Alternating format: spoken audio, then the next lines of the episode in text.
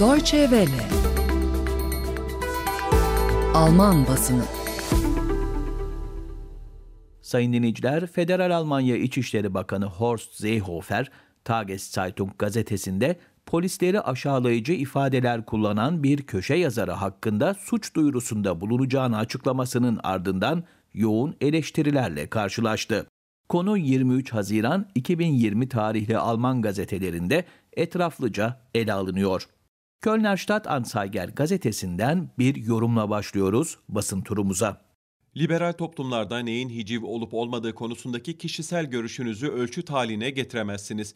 Bir İçişleri Bakanı'nın bunu bilmesi gerekir. Şurası kesin. Stuttgart'taki olayların ertesi günü polisin yöneticisi konumundaki bakan güvenlik güçlerine destek çıkmak zorunda hissetmiş olabilir. Tartışmalı köşe yazısı şüphesiz fiyasko olarak nitelendirilebilir. Yazının ana fikri ve vardığı sonuçlar oldukça zayıf. Tüm polisler kötüdür genellemesi ucuz ve laubalice ama kötü yazılmış köşe yazıları da basın özgürlüğünün koruması altındadır. Frankfurter Rundschau gazetesi ise Hristiyan Sosyal Birlik Partili muhafazakar politikacı Seehofer'in siyasi kariyerinde bizzat göçmen kökenlilere karşı dışlayıcı söyleme katkıda bulunduğuna dikkat çekiyor.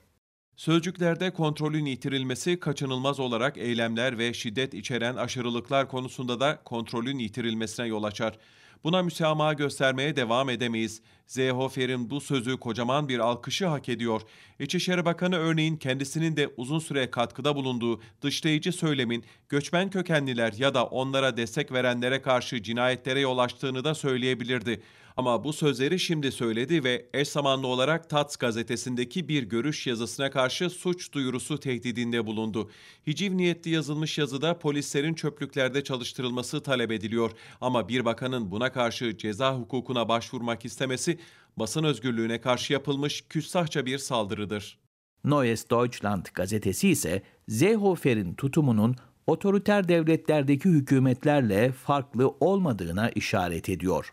İçeriksel bir tartışmaya girmek yerine suç duyurusu tehdidinde bulunan Seehofer, otoriter devletlerin hükümetlerinden farklı davranmamış oluyor.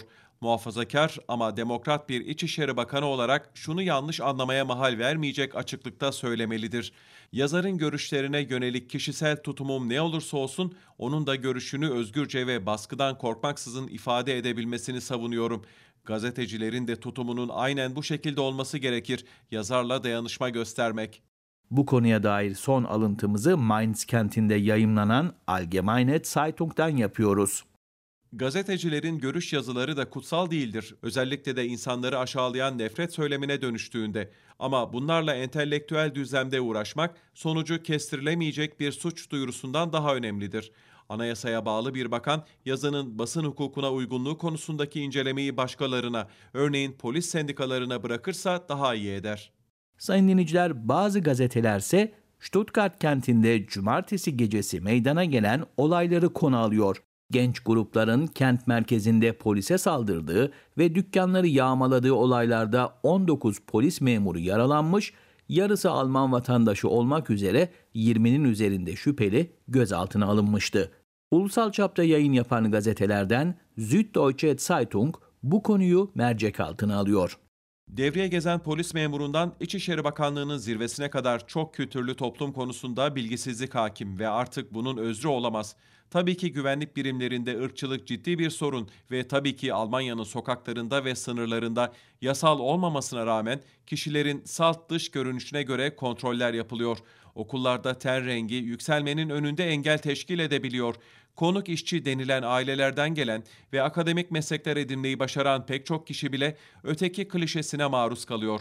Devlet göçmen kökenlilerin yabancılaşmasına ya da yabancı kalmasına katkıda bulunuyor ama Almanya'nın böyle bir lüksü yok. Federal İçişleri Bakanı ile eyalet İçişleri Bakanlarının birkaç gün önceki toplantılarında kamusal ayrımcılık konusunda üzerinde düşünmeleri gerekirdi ama tam tersi oldu.